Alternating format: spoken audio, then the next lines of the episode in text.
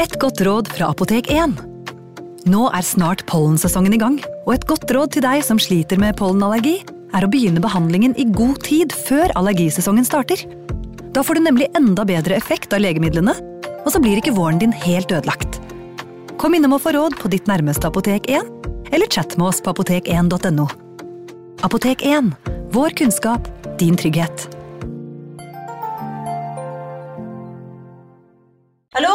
Jeg kommer fra Oslo politikammer. Ine Jansen er purk. Er du purk? The motherfucking bitch. Alt jeg vil, er å finne ut hva som skjedde med mannen min. Jon Carew. Er jeg sikta for noe? Iben Akeli. Det er du. Ole So, Lars Berrum og Big Daddy Karsten. Hvem sin side er du på, egentlig? Anette Hoff, Tone Danielsen, Kommer du fra Afrika? Jørnis Josef, Nesten. Kløfta. Trond Espen Seim, Det er synd å si det, men det var feil mann som døde. Purk. Premiere tirsdag på TV2 Play. Advarsel. I denne podkasten vil du høre historier basert på informasjon programlederne har funnet selv. Programlederne står ikke nødvendigvis inne for meninger og syn som fremstilles. Noen påstander kan avvike fra virkeligheten.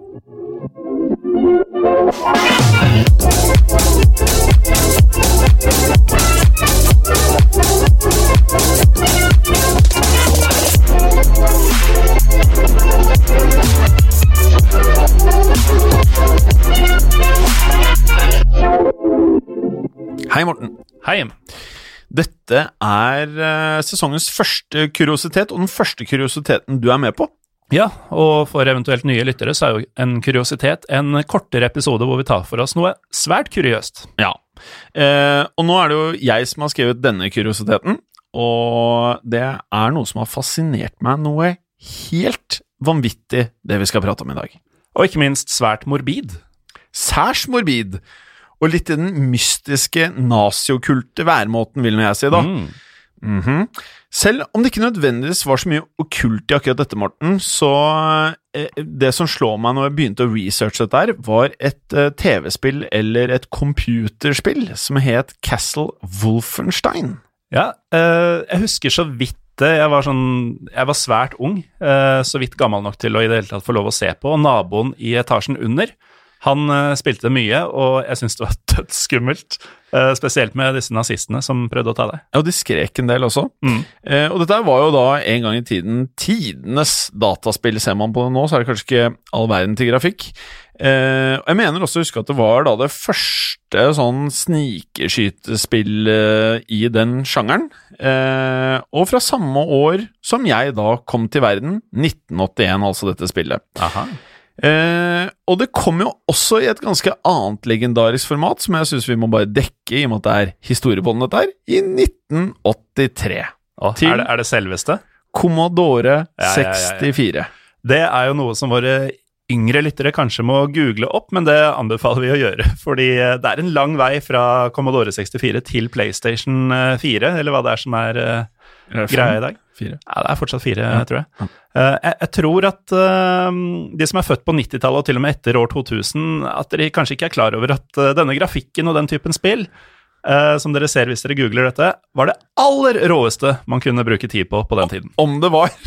Eh, og du skal være nokså årvåken historieneid, skal du ane de subtile hintene til hva denne historiepodden-episoden faktisk handler om, ut fra det vi har sagt så langt. Jo, men de fleste har kanskje sett tittelen og, fått et sterkt hint der, da. Kanskje. I alle fall, Castle Wolfenstein handler om en alliert spion som er tatt til fange i Castle Wolfenstein. Det var der, ja. Ja, det var der.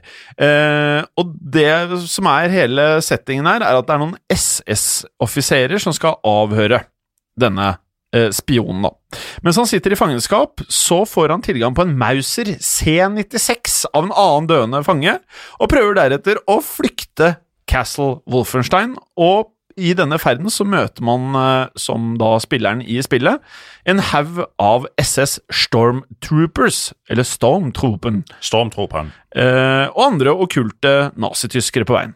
En eh, sidenotis og noe som kommer til å komme i en senere kuriositet i historiepodden, er at man tror at slottet som Castle Wolfenstein er basert på, er slottet Wevelsburg, som da var Heinrich Himmler sitt private slott. Har du vært der?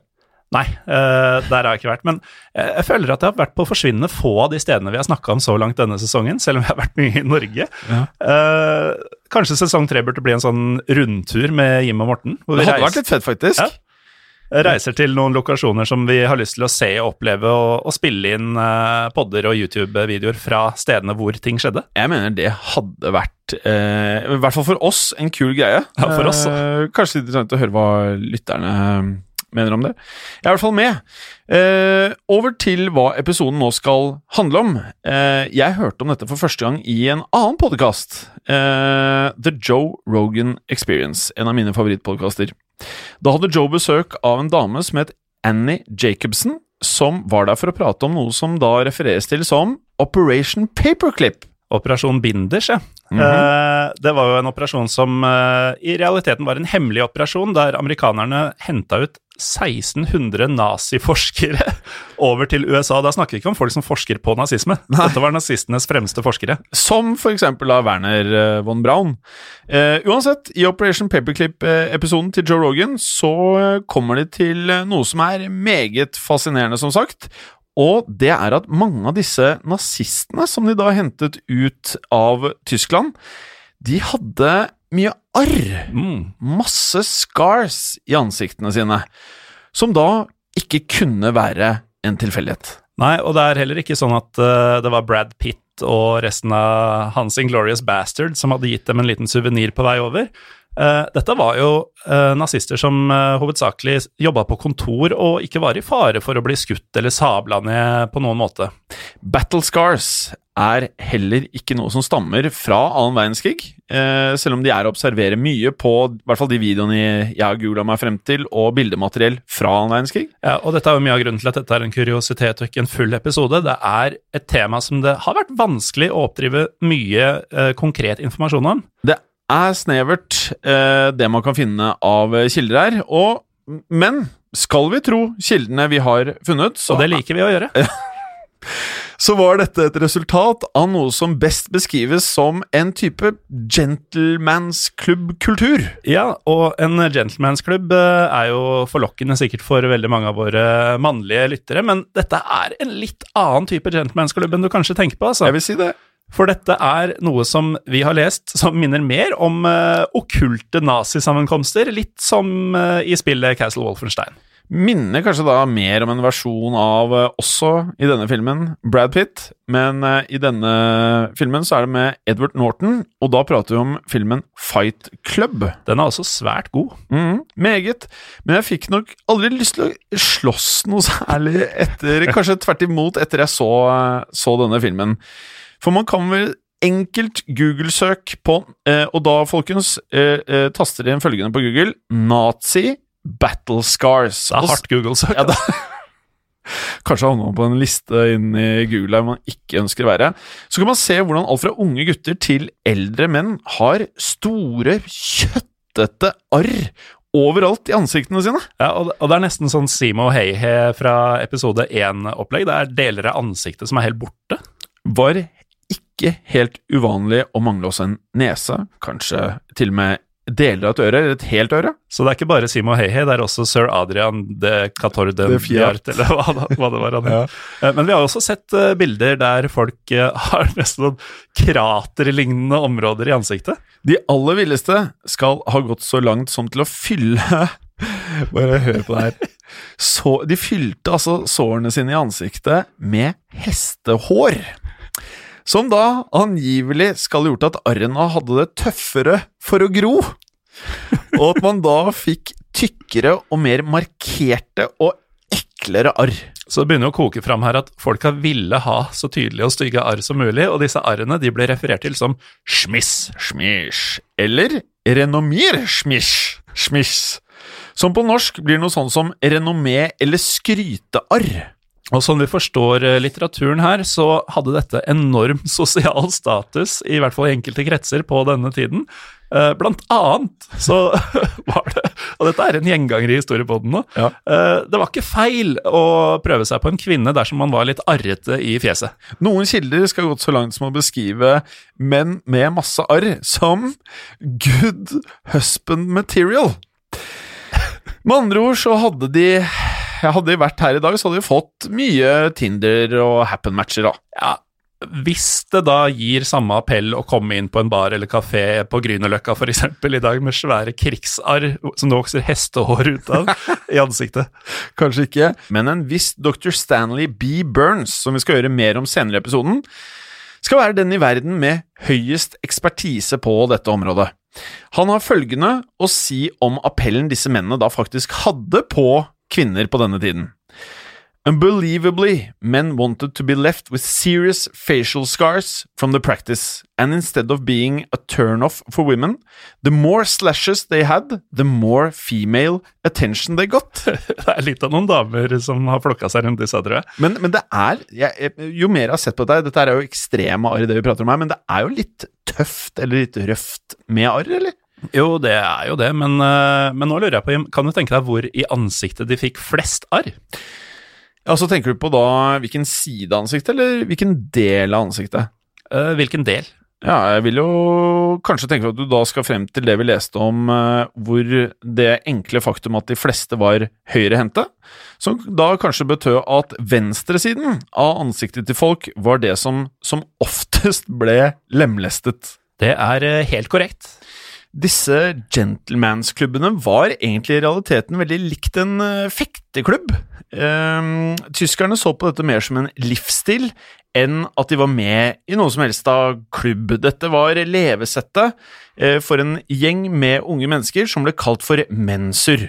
Dette skal ha sitt eh, opphav helt tilbake i 1825, ifølge noen kilder, eh, mens andre steder hevdes det at man kan spore det så langt tilbake som 1700-tallet i dagens Østerrike og Tyskland.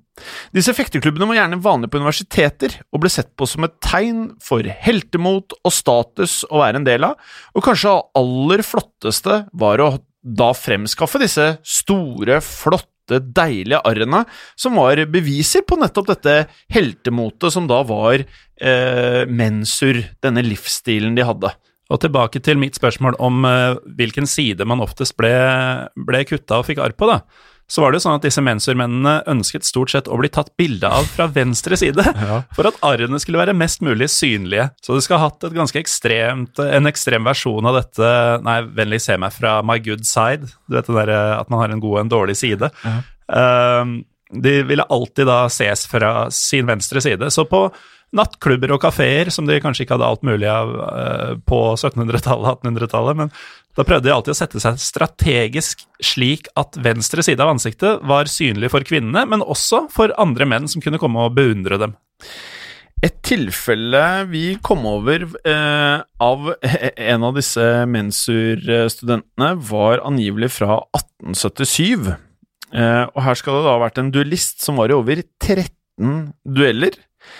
Men, men hold deg fast nå, Morten. Han hadde 100 og 37 arr I ansiktet? I ansiktet og nakkeregionen. Og døde jo til slutt, men eh, det er ganske sykt. Ja, det er ganske vilt. Og enda villere, eh, studenter på universitetene som enten ikke turte å være med i disse fekteklubbene, og for så vidt alle som ikke fikk lov til å være med i fekteklubbene. De brukte barberblader og lignende til å kutte seg selv opp i ansiktene for å imitere eh, og bløffe på seg da, at de var blant disse heltemodige som fikk være med i, i mensur eller de fekteklubbene. Eller så kunne man jo gå til leger som ikke hadde noe mot å tjene en eh, ekstra slant. Eh, så kunne de da få legene til å bruke skalpeller til å snitte opp deler av ansiktene deres, da altså. Denne duelleringa som, eh, som, de drev med i klubben, det ble senere noe som eh, forplantet seg eh, spesielt til det tyske militæret, og gjør det derfor til en del av det å være tysk soldat på denne tiden. Hvordan tenker du at du hadde klart deg i en sånn fekteklubb, eller er du en mensur? Klarer du en mensurlivsstil, Morten? Ja, nå har vi for så vidt droppa tidsmaskinen, og det er jeg glad for, for jeg hadde ikke tatt den tilbake til, til dette opplegget. Eh, jeg har jo enorm rekkevidde, da, for så vidt. Ja, det har du. Kroppen din er bygd for at ingen skal komme nær deg hvis du ønsker det. Nei, En jeg bodde i kollektiv med før, han kalte meg bare The Reach, ja. og det er ikke uten grunn. Du kunne vært en god mensurfekter. Ja, jeg tror det er mer enn Reach som skal til. da. Uansett, eh, etter en kort pause nå, så skal vi fortelle dere mer om hvordan denne fektinga faktisk foregikk. Dersom du liker Historiepodden, vil vi anbefale at du sjekker ut lignende podkaster fra moderne media. Som eksempel Skrekkpodden og True Crime-podden. De er å finne overalt der du lytter til podkast, som eksempel iTunes og Spotify. Velkommen tilbake! For å forklare denne fektingen som foregikk i eh, fekteklubbene, så bør man tenke seg litt andre typer sverd enn de som brukes til fekting man finner i dag. For jeg tenker mest på den man tilfeldigvis switcher innom på TV under VM, der de har store masker for å beskytte hele ansiktet. Og denne fektingen som ble bedrevet uh, som en del av mensur, var gjerne med et uh, sverd kalt mensusslager. Mensoslager, eller bare sleger, som det også ble kalt. Denne slegeren eksisterte i to versjoner. Den mest vanlige var korpslegeren, som eh, for oss ser mest ut som et eh, godt gammeldags eh, sverd med litt kurvet blad. Og disse ordene mister jo all betydning når jeg sier sleger, sleger, sleger, men jeg prøvde å finne ut hva dette betyr, da. Hva er en mensorsleger, og hva er en korpsleger? Så jeg spurte en tysk venn av meg. Ja. Og dette er tydeligvis såpass underground at uh, for han, da, som er en oppegående tysker anno 2019, han uh, skjønte bare at uh, altså sleger er en slags kølle. Men korpsleger hadde han aldri hørt om før, og prøvde å slå opp på tyske sider og sånn, fant det ikke. Så det er ganske obskurt, det vi driver med nå. Altså. Ja, det er underground. Men tilbake til korpslegeren. Ja, for korpslegeren, den ser ut til å være helt ideelt formet for å og rett og slett bare hugge ut deler av ansiktet til andre mennesker. Nettopp, og det var jo heldigvis det de skulle bruke det til, så det var jo en match made in heaven. Så hadde man et annet sverd som var mer spist, som het Glockensleger. Litteraturen her sier at duelleringen skal ha tidvis fungert ved at de som skulle i duell, hadde på seg beskyttelse. Men mange av bildene som da vi har eh, sett fra denne epoken, og faktisk en film vi har sett, så skal denne beskyttelsen ha vært meget begrenset, vil nå jeg si. Jeg skjønner ikke helt hvorfor de gadd å i anførselstegn beskytte seg, fordi det strakk seg gjerne til at man hadde tekstiler med beskyttelse på overkroppen, og noen ganger på armene. Uh, og det de da hadde i tillegg, som så veldig Castle Wolfenstein ut, er noen jernbriller med, med veldig mørke glass. Eller at de faktisk Jeg så noen ganger når de ikke hadde mørke glass, så hadde de sånn gitter. Gitter med et svært kors i midten av gitteret der man liksom skulle se gjennom, da. Ja, og dette med å se gjennom, da, det, det, virker jo ikke som du ser spesielt godt ut verken gjennom et kors eller av nærmest svarte glass.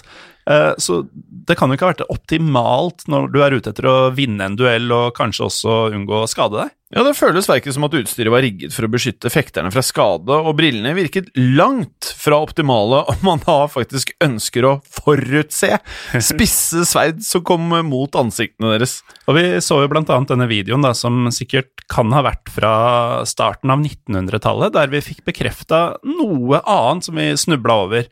Uh, og det skal være at mange av duellene utvikla seg til å bli nærmest som ritualer. Ritualer hvor hensikten ikke virket å være å vinne noen duell, men heller å få sår, for da å kunne vise sitt mot til å ta imot masse, masse skade. Og det forklarer jo også hvorfor denne beskyttelsen var som den var, hvis det var poenget. Eh, men denne fektinga så jo også ut litt sånn som kanskje du og jeg ville fekta, eller som barn fekter, litt sånn tilsynelatende uten teknikk. Eh, sånn som fekting eh, ville vært hvis man ikke var en fekter. Derfor så ble det mye sår i denne filmen vi så. Han ene fikk skåret opp en del av kinnene og et kutt tvers over panna. Og så har vi lest at det ofte skal ha vært leger til stede under denne duelleringa, og det bør det jo ha vært, for det var grusomme greier. I, i denne videoen var det riktignok få tegn til tilsyn av noen lege, og det var mer en stemning av at sårene de fikk, var en helt vanlig del av ritualet, like lite oppsiktsvekkende som eh, en fotballspiller som sender en sidelengspasning med innsida. Det vi beskriver nå, er jo utrolig visuelt, da. Vi skal prøve å legge ut så mye som mulig på Instagrammen vår. Som er Historiepodden Norge. Og på Facebook er vi også Historiepodden Norge. Å, veldig bra, Morten. Eh, for det dere nå lyttere må være med på å visualisere når dere hører på nå, er en mørk, tysk ølkjeller med flagg og Gentlemansklubben sin logo på veggene. Nesten litt sånn sektete følelse. Ja, og det er her liksom den okkult-delen kommer inn litt, Ja, føler jeg. og- At det er så rituelt. Ja, og veldig sånn Castle Wolfenstein-ete. Mm. Um, der er en 78 mann som står i en halvsirkel rundt de som skal duellere. Som begge er blodige, altså de er oppskårede i ansiktene sine. Og så fortsetter de. Ja, Og så fortsetter de, og, og det virker som at litt av poenget her var å ikke vike. Man skulle liksom ikke gå noen steg tilbake, man skulle bare stå planta. Og egentlig ha veldig lite fotarbeid, i motsetning til boksere, som uh, fotarbeidet kanskje er det viktigste for å unngå å bli slått i trynet. Så sto de på stedet hvil, eh, og akkurat på dette bildet vi nå beskriver, så står fekterne med noen hvite forkler som minner mer om eh, noe man hadde sett på en slakter, som er helt fulle av blod. Ja, det er makabre saker, og um, det er, jo 70-80 menn, eh, Jim, som sitter rundt der, som tilsynelatende ser ut til å være fulle av beundring idet de ser de to duellantene hogge inn i hverandre. Helt klart. Eh, tilbake til en vi allerede har nevnt. Burns. Dr. Ja, Dr. Stanley B. Burns, som har samlet på bilder fra disse duellene, som er kanskje litt spesielt. Han eh, sies å ha noe som heter The Burns Archives, som har over 400 bilder. Eh, og han sier i et intervju at eh, det han mente dette handlet om, var rent heltemot. Du skulle vise hvor mye du tålte, og at du ikke ville vike et eneste sekund for noen som helst. Da første verdenskrig starta, Jim, så skal mensur faktisk ha blitt uh, ulovlig. Uh, som nevnt så var jo mensurmedlemmer av uh, ofte høy sosial rang, som betød at mange av de høytstående offiserene som deltok i krigen, var medlemmer av mensur, som betyr at hvis man googler mange av offiserene fra første verdenskrig på tysk side, så vil man se bilder av temmelig arrete typer. I 1933, da Hitler kom eh, til makten, så ble mensurklubbene lovlige igjen. ja, selvfølgelig. Selvfølgelig, og tradisjonen ble da videreført. Kulturen med dette heltemotet skulle nå gjenoppstå for fullt. Og det er nokså lett å se verdien som nazistene så i disse ritualene, og tankesettet som behøvdes for å stå og ta imot mye av dette. Um, smerte og tidvis lemlestelse var en del av hverdagen i mensurverden. Og mange kjente nazister hadde jo en, en, rekke arr, og noen skal ha hatt det av nettopp dette, som for eksempel Rudolf Dies, som var sjef for Gestapo i 1933. Han hadde et rimelig mm. lekkert et på kinnet like ved haka. Det er jo noe du hadde lagt ut et uh, Tinder-bilde av, selvfølgelig. Den uh, tidens Tinder, uh, der ville Rudolf Dies gjort Stort. gjort det stort, ja. eller som bilde av den jødiske advokaten Kurt Silberman fra så sent som 1967, mens han hilser på en stolt Bundestag-president, Thomas Dehler.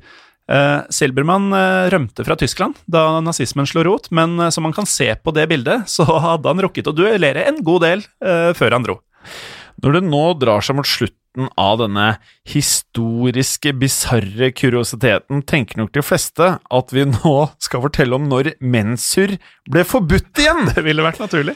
Men det skal vi ikke, Morten. Nei, vi skal ikke det, fordi det kanskje mest absurde av alt dette, og det som overraska oss mest til slutt, uh, når vi fant ut at uh, mensur angivelig pågår den dagen i dag i flere deler av Europa. Ja, Det er nesten ikke til å tro, for slik vi forstår det, ut ifra de kildene vi har funnet, så skal det i dag være rundt 300 100 slike klubber, altså ikke 300 personer som gjør det, men 300 klubber, eller Studentfirbindungen Studentforeninger? Studentenverbindungen, som det heter i Tyskland. Tradisjoner for fekting og mensurar skal finne sted selv den dag i dag, Morten. Det betyr jo at den faste avslutninga vår må bli litt spesiell eh, i dag, Jim. Ja. Det har skjedd.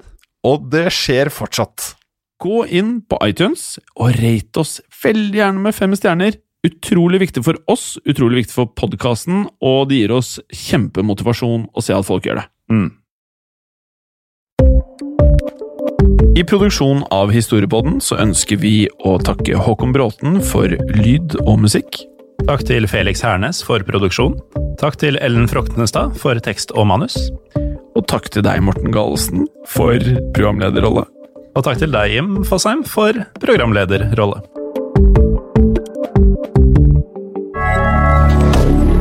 Moderne media. Har du et enkeltpersonforetak eller en liten bedrift? Da er du sikkert lei av å høre meg snakke om hvor enkelt det er med kvitteringer og bilag i fiken, så vi eh, gir oss her, vi. Fordi vi liker enkelt. Fiken superenkelt regnskap. Hei, og takk for at du lytter til Historiepodden. Skulle du ønske at du kunne høre en ny episode av Historiepodden hver eneste uke? Vel, da er det én ting å gjøre. Da kan du laste ned podkastappen Untold med det samme. For i tillegg til ukentlige episoder av podkaster som Historiepodden andre verdenskrig, Henrettelsespodden og også Gangsterpodden, så får du masse annet reklamefritt og også eksklusivt innhold. Last ned Untold i AppStore eller Google Play og start din 30 dagers gratis prøveperiode allerede i dag.